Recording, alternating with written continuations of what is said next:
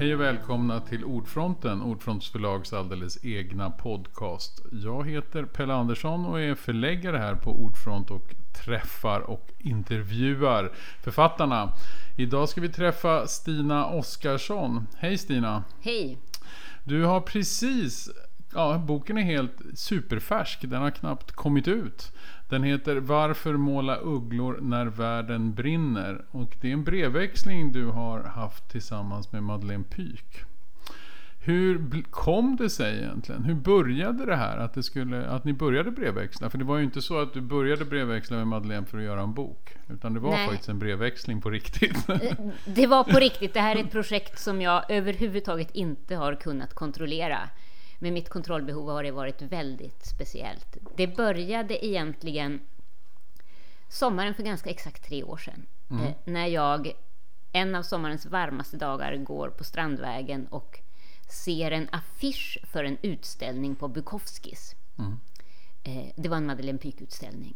Och jag, alltså jag kommer från en familj där konst var, det var ganska konstigt. Mm. Alltså verkligen ingen kulturfamilj. Ingenting ni hade hemma Nej, liksom. Nej. jag har aldrig ägt en tavla. Min mamma var på första gången på en konstutställning när hon hade fyllt 60 och det var jag som drog henne dit. Mm. I princip. Så att, och jag hade aldrig varit in på Bukowskis. Kände, Men det har fortfarande inte jag varit. Och, nej, och kände inte till Madeleine Pyk. Nej. Men jag ser den där affischen och bara, jag måste dit. Och jag går liksom i gympadojor, shorts och linne och bara så här, det är en timme kvar för det här är sista dagen på utställningen. Så jag bara, jag måste gå in på Bukowskis så här. Mm. Så jag gör det. Jag går in på Bukowskis och försöker liksom snabbt iaktta vilket, hur ska man bete sig här inne. Mm. Eh, och eh, går in i rummet längst in och där hänger det en enorm målning av två tigrar. Mm. Och jag bara, men det där är min tavla.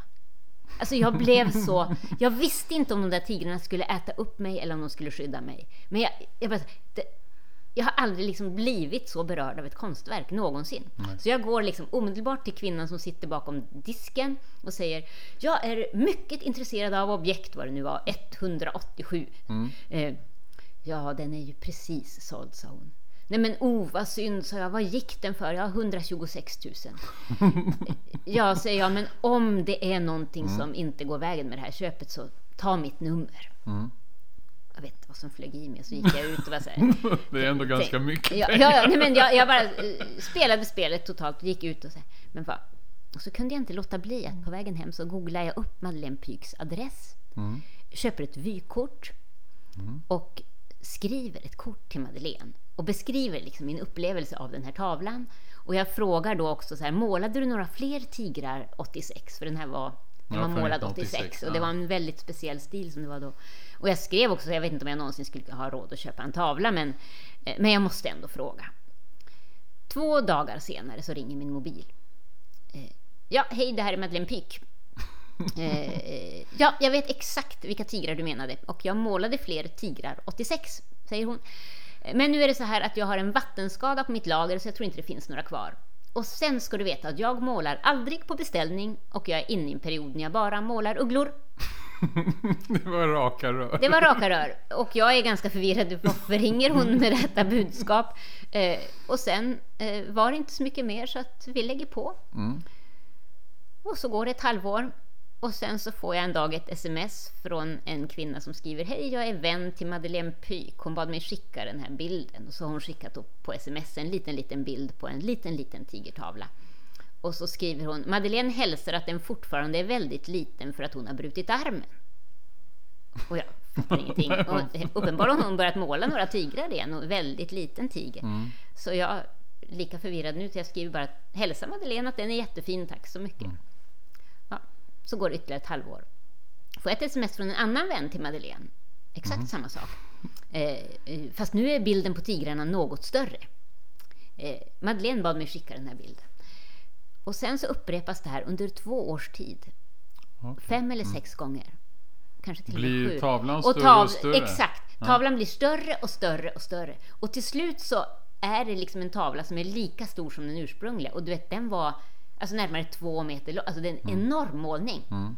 Och vid det laget börjar jag bli ganska stressad för att jag har ju inte beställt någon tavla. Och hon målar inte på beställning. Men uppenbarligen så målar hon tigrar nu och de blir större och, och större. Hon, hon vill att du ska se dem. Ja, ja uppenbarligen. Så att till slut så känner jag att jag måste ringa till Madeleine ja. och säga eh, och bara försäkra mig om att hon inte uppfattat det som att jag har beställt någon tavla. Nej då, nej, nej, det vet jag, så här, men, men jag har ju tänkt på dig. Så här. Och så säger jag, ja men om jag någonsin ska köpa en tavla så måste jag ju få se den på riktigt. Och, och vi kommer liksom överens om att ja, men den dagen det är möjligt så ska jag åka ner till henne i, i Skillinge där hon bor på Jeppas äng och jag ska titta på hennes museum och, och titta, tänk, på tavlan. titta på tavlan. Men jag sa samtidigt att är det någon som vill köpa den här innan jag hinner ner, så här, verkligen försäkra mig om att allting är lugnt, tror jag.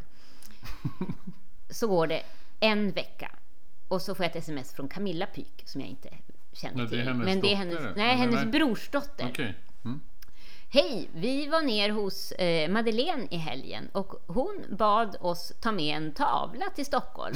Eh, det är en enorm målning av två tigrar. Den ligger nu i vår våning på Linnégatan.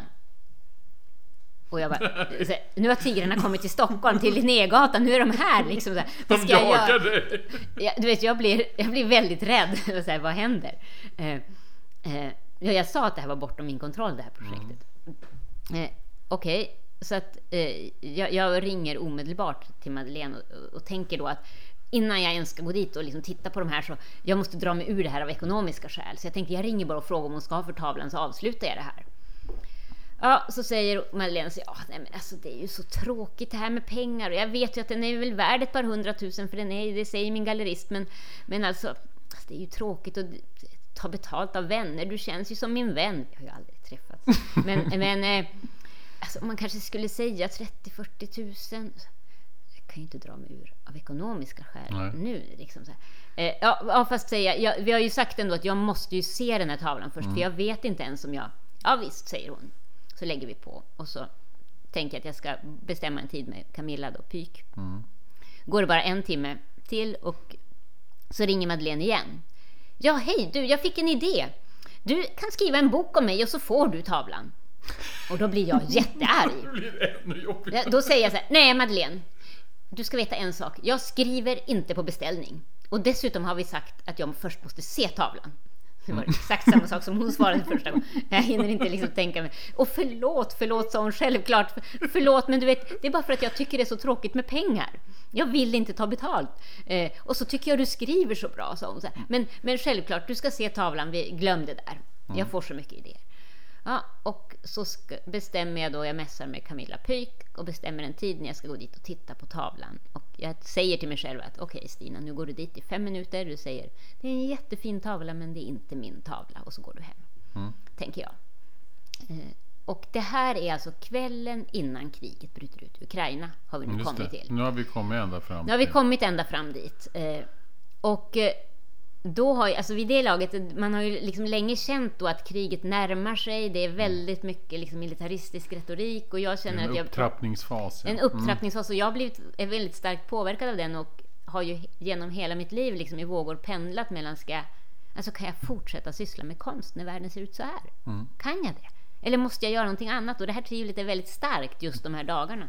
Och eh, jag går där till Camilla och eh, blev inte kvar fem minuter utan jag blev kvar många timmar hos Camilla och tittade på tigrarna och vi pratade om konsten, om livet, om, om allt. Och, och, och, så går jag hem där på kvällen och hade jag ju lovat att jag skulle återkoppla till Madeleine när jag mm. hade varit, varit där och tittat. Men nu har du ändå sett tigrarna. Nu har jag sett tigrarna. Och det enda det jag gör då, det är att nästa morgon så skickar jag ett brev till Madeleine där jag skriver den här frågan bara som jag helt plötsligt har... För det, när jag går hem där på kvällen från Camilla så är det liksom bara en enda fråga som dyker upp i mitt huvud. Det är som att det här tvivlet jag bär hade fått liksom en...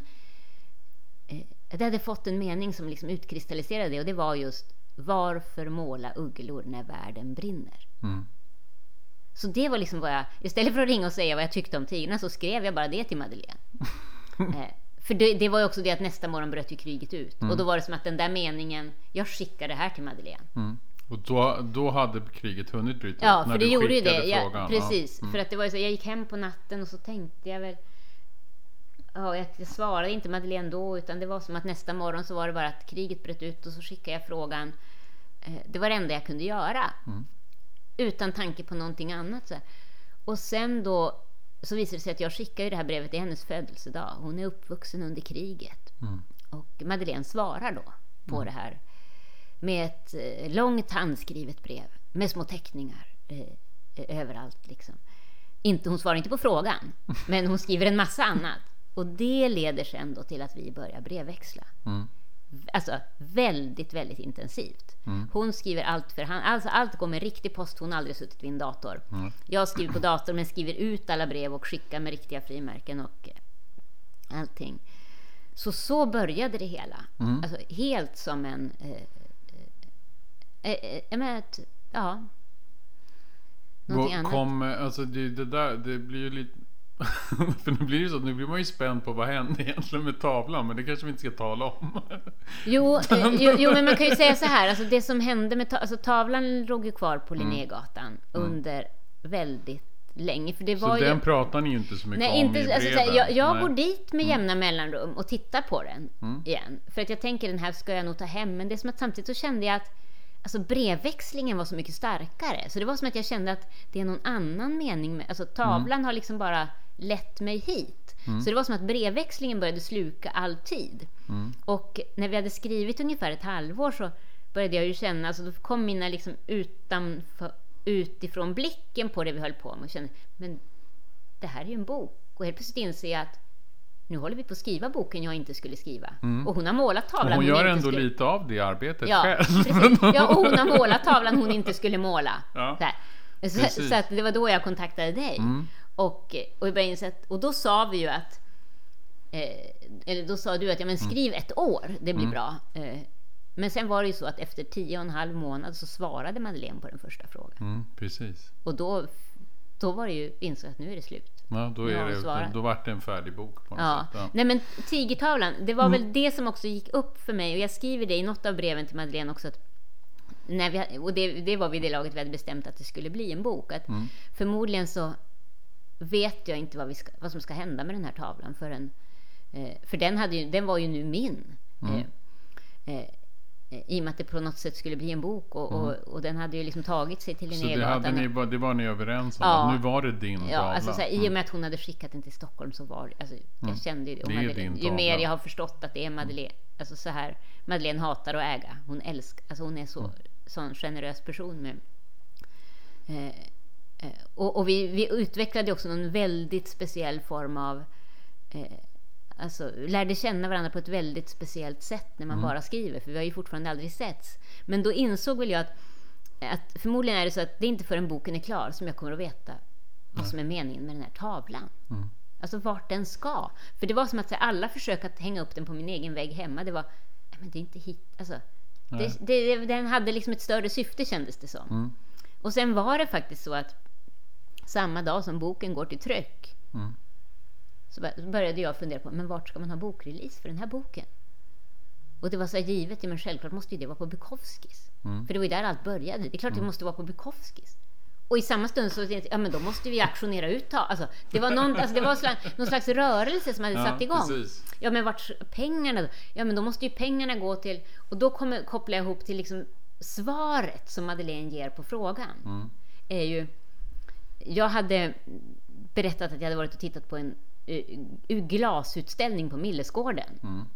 Och uh, då och så skriver Madeleine så här, apropå glasets skönhet. Din första fråga var felställd.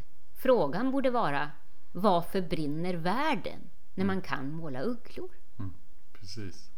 Och det var ju så det var ju så självklart. Vi ska, måste fortsätta med konsten. Det är mm. kriget som ska ta slut. Precis, om vi alla ägnade ja. oss åt något annat ja. istället. Ja. precis. Så, så skulle... Så, mm. så skulle eh, och det var som att... Det inser jag ju att det är ju på något sätt vårt underliggande... Alltså vår underliggande värdegrund genom allt vi skriver i hela boken, så är det ju det. Mm. Det är ditåt allting strävar. Och då var det bara så här, ja men självklart, pengarna från aktionen på den här tavlan, mm. jag skickar dem till Clowner utan gränser som är i Ukraina just nu. Mm. Så det blir så att jag och Madeleine skickar clowner istället för vapen mm. till Ukraina. Och det känns som att ja, men det är klart att det är det här vi ska göra. Mm. Det är det vi står för. Mm. Så. så så blir det. Mm. Så på releasen blir det en aktion av tavlan. Som kan berika Clowner utan gränser. Ja, som mm. gör att de kan fortsätta, kan fortsätta sitt, arbete sitt, arbete i Ukraina. Det är ju fantastiskt. Ja. Och ingen av er vill ha de där pengarna i alla fall. Nej, precis, nej. nej, och jag vågar inte ta hem tigrarna. nej, men det kanske någon annan vågar hoppas ja, vi då. Nej, men de är fantastiskt fina.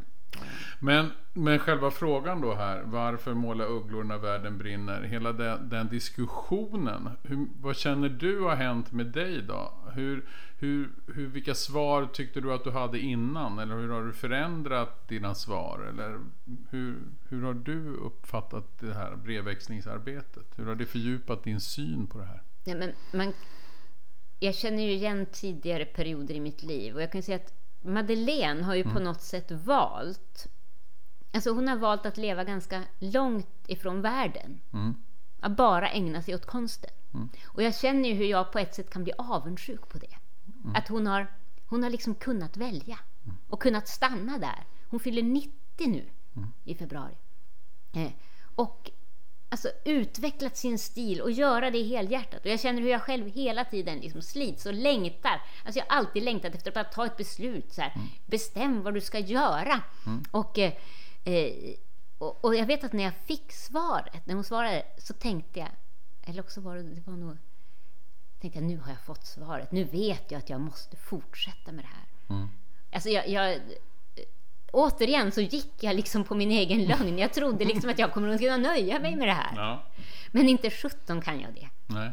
Alltså jag har insett att, och det är väl bara de senaste veckorna, så, eh, så kom det tillbaks till mig faktiskt ett, eh, ett citat av Sara Lidman mm. som jag har burit med mig genom alla år. Det, för att hon var ju också en sån som pendlade mellan romanerna och debattartiklarna. Mm. Och Stod och demonstrerade aktivismen och, konsten. Och, och jag, jag, menar, jag, jag, känner mig väldigt besläktad med Sara. Mm. Det är liksom, vi träffades också eh, när, medan hon levde. Och, och, det, och på ett ställe så beskriver hon skillnaden mellan en roman och en debattartikel. För att hon fick, många tyckte ju att hon bara skulle hålla sig till att skriva romaner. Mm. Eh, och kunde låta bli att demonstrera mot kriget och allt mm. det där. Men då skriver hon så här att i en roman finns ursinnet, vreden som inte behöver höja rösten. Där finns också i bästa fall en kärlek så djup att den inte behöver glittra på ytan. Romanen stammar sina svar på en livslång utmaning. Artikeln däremot är en stubbe och stubin och man skriver den när en massmediabild av ett skeende dämt upp ett sånt raseri inom en att man inte får andrum till romanarbetet förrän man inlämnat en protest. Mm. Precis. Och det är så roligt för det känns som att jag vill också vara i konsten där, men jag får ju inte, jag får inte tid. Det Nej. händer ju så mycket. Ja, jag kan ju inte låta bli att lägga mig i. Nej. Eh, trots att jag vet att jag eh, eh, kommer att få hur mycket skit som helst för att man går in i de här frågorna just nu. Men det farligaste man kan göra just nu är att vara pacifist. Mm. Eh, men jag kan inte låta bli. Nej. så kommer det alltid att vara. Ja, jag, jag har väl insett det. Mm. Att eh, jag får nog leva med den här mm. kluvenheten. Men hur har det då varit att samtala med en som faktiskt har valt bort det? Fantastiskt. Som ägnat sig bara ja, nej, men det, det är så hur, häftigt. Ja. Det har givit mig så mycket. Mm. Eh, att få för jag märker ju det på hennes språk också. Mm. Alltså även språkligt så är hon alltså, Det är som att hon skriver som hon målar. Mm. Alltså det är små...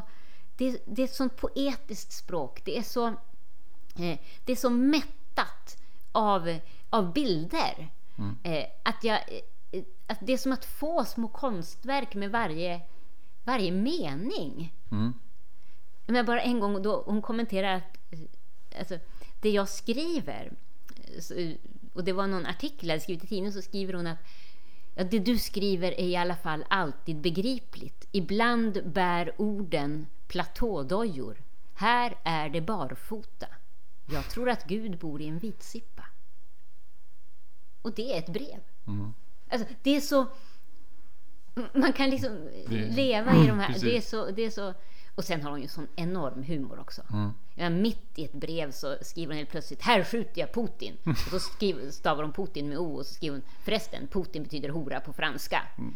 Eh, Och likdelarna säljer jag på svarta marknaden. Och så är det en liten bild. Och, så mm. och det är väldigt många små fina ja. bilder generellt i ja. hela boken. För hon har ju liksom, hon, hon både ritar och skriver samtidigt. Ja, och du vet kuverten var ju mm. helt magiska.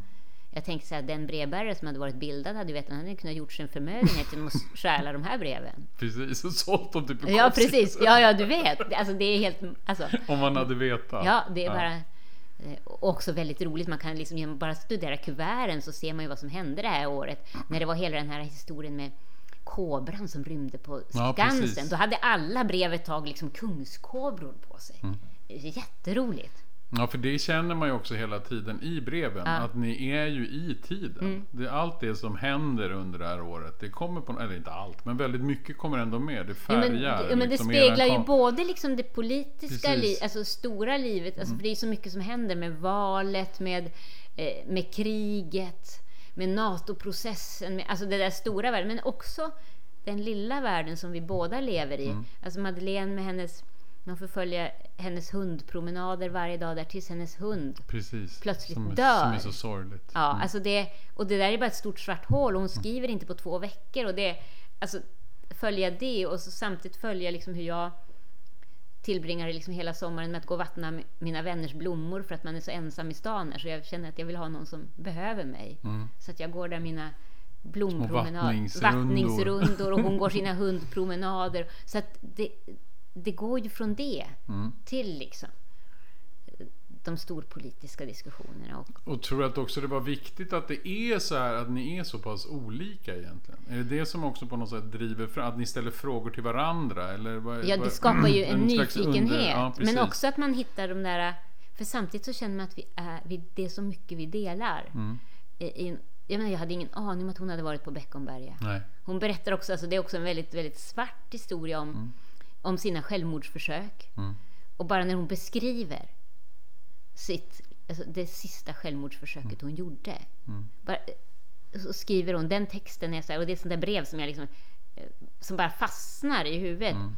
Så skriver hon så här, självmordet, eller om självmordsförsöket. Så, Någon jag gillade sa, vilket oromantiskt staffli. Jag hade köpt ett stålstaffli på KROs butik. Då tog jag alla tabletter jag hade och vaknade på SÖS. Mm. Idag har jag trästaffli. Mm. Precis, det är sådär. Och det är liksom så här, Alltså det är så, så krasst och det är så, mm. alltså du vet jag, jag bara, jag vet inte om jag ska skratta eller nej, gråta, precis, men det är liksom så mättat. Mm. Det, Precis, Idag har och det, är också, det, det, som är fint är också att så mycket av Madeleines värld och hur hon, hur hon har blivit den både människa och konstnär, att det börjar också där i kriget. Alltså, mm. hon, ja. alltså det är så mycket som hon hela tiden reflekterar tillbaka till sin barndom eller när hon börjar måla. Eller, ja, för att, och det visste jag ju inte heller, att, att hon började ju, alltså, kom från en, alltså, en judisk, alltså hade judiskt påbrå och började måla på masonitskivorna mm. som de hade täckt för fönstren med. Mm. Och i någon slags barnslig protest mot kriget. Mm. och det är också det så fascinerande. Inte, jag hade, jag hade ingen att, aning nej, om det. Nej. Och att det då också ja. går in i eran berättelse kring ja. ett nytt krig här, ja. nu. Alltså det där blir ju Och man får följa hennes tvivel när hon börjar mm. liksom tvivla. Och så här, hennes kamp för... Eh, för man kan ju tycka att hennes målningar är så världsfrånvända, så, mm. alltså, så glada, så lyckliga mycket. Men börjar man studera dem så finns det ju någonting helt annat där. Och hennes kamp att gå in i ateljén, men fortfarande hon är där många, många timmar varje dag. Mm. Eh, men hon skriver ju också så här att ateljén, himlen eller elektriska stolen. Mm. Alltså, det är också en ganska stark beskrivning av alltså, kampen för sitt skapande. Mm. Men känner du också igen dig då i vissa saker som hon, hur hon, för du är ju också en otroligt, eh, vad ska man säga, produktiv person. Alltså du är ju också hela tiden i någonting. Jo men Eller? i det här att vi båda lever i vårt arbete. Mm. Alltså ingen av oss har ju ett arbete och sen har man en slags fritid, hobby och en fritid, utan vi lever ju ett mm. liv i, alltså där tänkandet och konsten, alltså allt det är samma. Mm. Det är bara olika uttryck. Mm. Det är liksom ett ständigt flöde. Och det kan jag ju verkligen eh, dela. Det kunde ni liksom också ja. kanske prata ja, kring? Ja, eller ni visst. kände igen varandra i det här? Ja. Mm. Och i den här alltså, ganska krassa eh, men så båda, har nog, båda vi har nog väldigt stark integritet mm. i, i att man inte är sådär övertrevligt. men, våra, våra första, alltså, bara hennes första liksom, samtal till mig. Ja, precis. Det är inte så inställsamt. Nej, exakt. Liksom. precis. Inte... Nej, och vi har inte behövt det. Nej, utan, utan, vi har lärt känna varandra på ett helt annat sätt. Ja, precis. Och tyck, vad, vad tänkte du, alltså när du började skriva de där första frågorna, alltså för du tog ju sen kontakt. Hur, hur snabbt kände du att det här skulle kunna bli en bok? Alltså var det nästan omedelbart? Nej, men det hur? tog ett tag ja, mm. faktiskt mm. för att det var eh, det var en sån, jag hade ingen aning om hon ens skulle svara. Nej, och, det är sant. Eh, eh, och sen var jag så, alltså det upptog så mycket av min tid att börja skriva det här. Alltså det, det var som att jag bara gick in i ett annat rum och det här nästan, eh, nästan ett helt år som vi skrev, det var... Det blev som en annan... Jag, jag, jag, det, man integrerade det i sitt liv. Mm. För det var ändå så pass många brev i veckan som vi... Eh, eh, alltså jag levde i det tänkandet. Alltså det var en slags ständig dialog med Madeleine som mm. inte handlade om... Och det var så skönt också för att det har ju varit ett år när man har det har hänt så otroligt mycket som man har tvingats förhålla sig till. Mm. Och att då Väldigt in, stora ja, politiska förändringar ja, också som ja, skett samtidigt. Som påverkar mm, en som mm, människa. Men då, mm. att då inte vara i, alltså skriva för dagstidningen, mm. där allt omedelbart blir offentligt. Utan att skriva till en människa. Det har gjort att man har kunnat det gör man ju när man skriver i dagstidningen också, mm. men det blir på ett helt annat sätt. så här. Alltså, man tillåter sig att vara mycket mer naken och prövande i sina i sitt försök att förstå vad som mm. händer. Mm. Jag, menar, jag delar med mig om liksom hela våndan inför valet. Eh, alltså sådana där saker, alltså hur man ska, alltså såna saker som är politiska men också personliga där man, där man inte liksom hängs ut till vargarna omedelbart när man skriver. Nej, utan man, man tillåter sitt språk då som är... Man blottar mycket mer av sitt tvivel inför hur man faktiskt ska förhålla sig. Mm. Och det var väldigt skönt att ha den kanalen. Och det tror jag vi båda Men känns tyckte. det nu läskigt då, då? När det som var tänkt som en brevväxling från början ändå ska komma ut i offentligheten? Att den nu kastas till vargarna, boken. Alltså, nej fast jag tycker att jag är så, alltså jag tycker att vi båda är så sanna i det. Mm. Och eh, jag har väl varit mera rädd för att, att det blir människor som man nu, nu, skriver jag ju aldrig för att hänga ut andra människor. Det är mm. helt ointressant tycker jag. Men det blir ju ändå så att under nästan ett år så är det ju andra människor i ens liv som jag pratar med Madeleine om. Mm. Som ju därmed också får sina liv blottade i boken. Ja, precis. Ja. Eh, ofrivilligt. Alltså mm. de är ju med utan mm. att liksom, ha, ha valt ja, det. Jag menar, eh, eh, och där hoppas jag väl att, att ingen ska känna sig felaktigt återgiven. Nej, så. Eh, så. Några av dem som har förekommit, alltså som förekommer mest har jag har fått Ingen har fått läsa innan det trycktes. Nej. Men mera innan det, boken släpps mm. i handeln. Precis. Så att de kan vara förberedda. men, men jag menar, boken är ju... Ja, men samtidigt har jag mm. sagt att det här är, det är i princip oredigerat. Mm. Vi har renskrivit det, men det är ju oredigerat. Vi har inte klippt för att någonting ska vara bekvämare. Nej. Och jag har inte klippt bort någonting av mig själv någon, heller. Nej, precis. Men blev det någon skillnad i era brevväxling känner du när du väl hade tagit beslutet att det skulle bli en bok? Nej, vet du, jag tyckte inte nej, det. Precis, alltså, det kan man ju tänka båda, annars ja. att det skulle nej, men kunna alltså, bli. Jag är väldigt bra på att glömma bort sånt. Alltså, mm. för att skriva, nej, men skrivandet var liksom en hel, helt egen värld. Ja. Så ja, ja det, där, det där sköter den. Alltså, jag tror också att jag har upp, jag har någon slags förmåga, och det var ända sedan jag startade min första fria grupp som mm. regissör, att man byter hattar. Mm. Jag minns hur jag där ringde och sa ja, jag är producent för en teaterföreställning. Jag tycker att ni skulle, eh, skulle göra en intervju med regissören. Hon finns på det här numret. Så, eh, ni kan nå henne efter klockan tre när repetitionerna är slut. Så. svarar jag på en annan telefon. Så ja, hej, det här var Stina Oskarsson. Ja. Alltså, man ringer, alltså, jag bytte hattar hela tiden. Mm. Man är ekonom i sitt eget för, alltså, Och här kände jag så ja, okej, det var, det var jag som, som ansvarig för liksom, producent för mitt mm. eget liv som kontaktar dig som förlagschef. Så här. Mm. Men skriver jag ju som människa och konstnär. Mm. Och det där är... Precis. För det känns också så som att de frågor eller Det är också det att när du annars tror jag är med i debatter och diskussioner och det är hårda tag på, i offentligheten. Ja. Så här får du ju en helt annan mottagare. Alltså Madeleine ja. är ju en helt annan själ. Ja, precis. Nej, men, och, det är det som, och man får ju också helt... Men, ja. En gång så skriver hon, och det är så typ också så här roligt för att hon beskriver menar, sitt närområde och så beskriver hon grannarna och så beskriver hon att de har byggt en stor pool och så, så varför bygger man pool när man bor sex meter från havet? Skriver Madeleine. det är en eh, fråga. Och, och då tar jag, hela mitt nästa brev blir då ett försök att svara på frågan varför bygger man en pool när man bor sex meter från havet? Mm. Men det är inte en fråga man brukar få i debatter. Nej. Vad var svaret? Men jag får se, det är ett helt brev. Ja, precis. Ja. Men, det, men, det, var fantastiskt att ja. få försöka svara på den mm. typen av frågor. Så. Ja. Ja, det är fascinerande. Det är väldigt, väldigt... Ja, för det är så roligt att ni har så olika temperament också. Mm. Det gör ju att brevväxlingen blir väldigt, väldigt levande. För du kan ju mm. skriva väldigt specifikt och liksom, som du skriver nästan en artikel ibland. Ja. Och så svaren från henne är så otroligt poetiska. Eller, ja. Ja. Ja, men jag, jag, jag, jag kastade mig, jag, jag skulle vara ombedd att hålla någon föreläsning för kulturförvaltningen på temat Vad är konst? Mm. Och så skriver jag till Madeleine, jag önskar att jag hade hunnit skicka den här frågan till dig innan jag skulle dit. Mm. Men jag skickar den nu istället. Och eh, så börjar nästa brev som jag får från Madeleine. Så står det bara. Om blått är blått för dig så kanske blått är rött för mig. Hej Stina! Så mm. inser jag det här var hennes svar på frågan mm, vad, är vad är konst? Och det är så här, eh, det, det, det, är så här, det är som små dikter man kan liksom fundera på väldigt, väldigt länge. Mm. Ja, det är det man gör ja. också. Mm. Alltså hela tiden. Alltså ja. Det är det som är så härligt med de här temperamenten. Ja. För man kan mm. liksom vila i, alltså du håller den ju i handen mm. och hon på något sätt drar bort handen. Ja, precis. Mm. Låter den falla lite fritt i ert, liksom, i ert universum som ni har byggt här. Det är mm. väldigt vackert. Tack så hemskt mycket Stina Oskarsson för att du kom hit till Ordfronten och pratade om varför måla ugglor när världen brinner. En brevväxling som du och Madeleine Pyk har haft. Mm. Tack. Så hemskt mycket. Det var allt för Ordfronten för den här gången och vi återkommer med nya avsnitt så småningom. Ha det så bra, vi hörs, hejdå!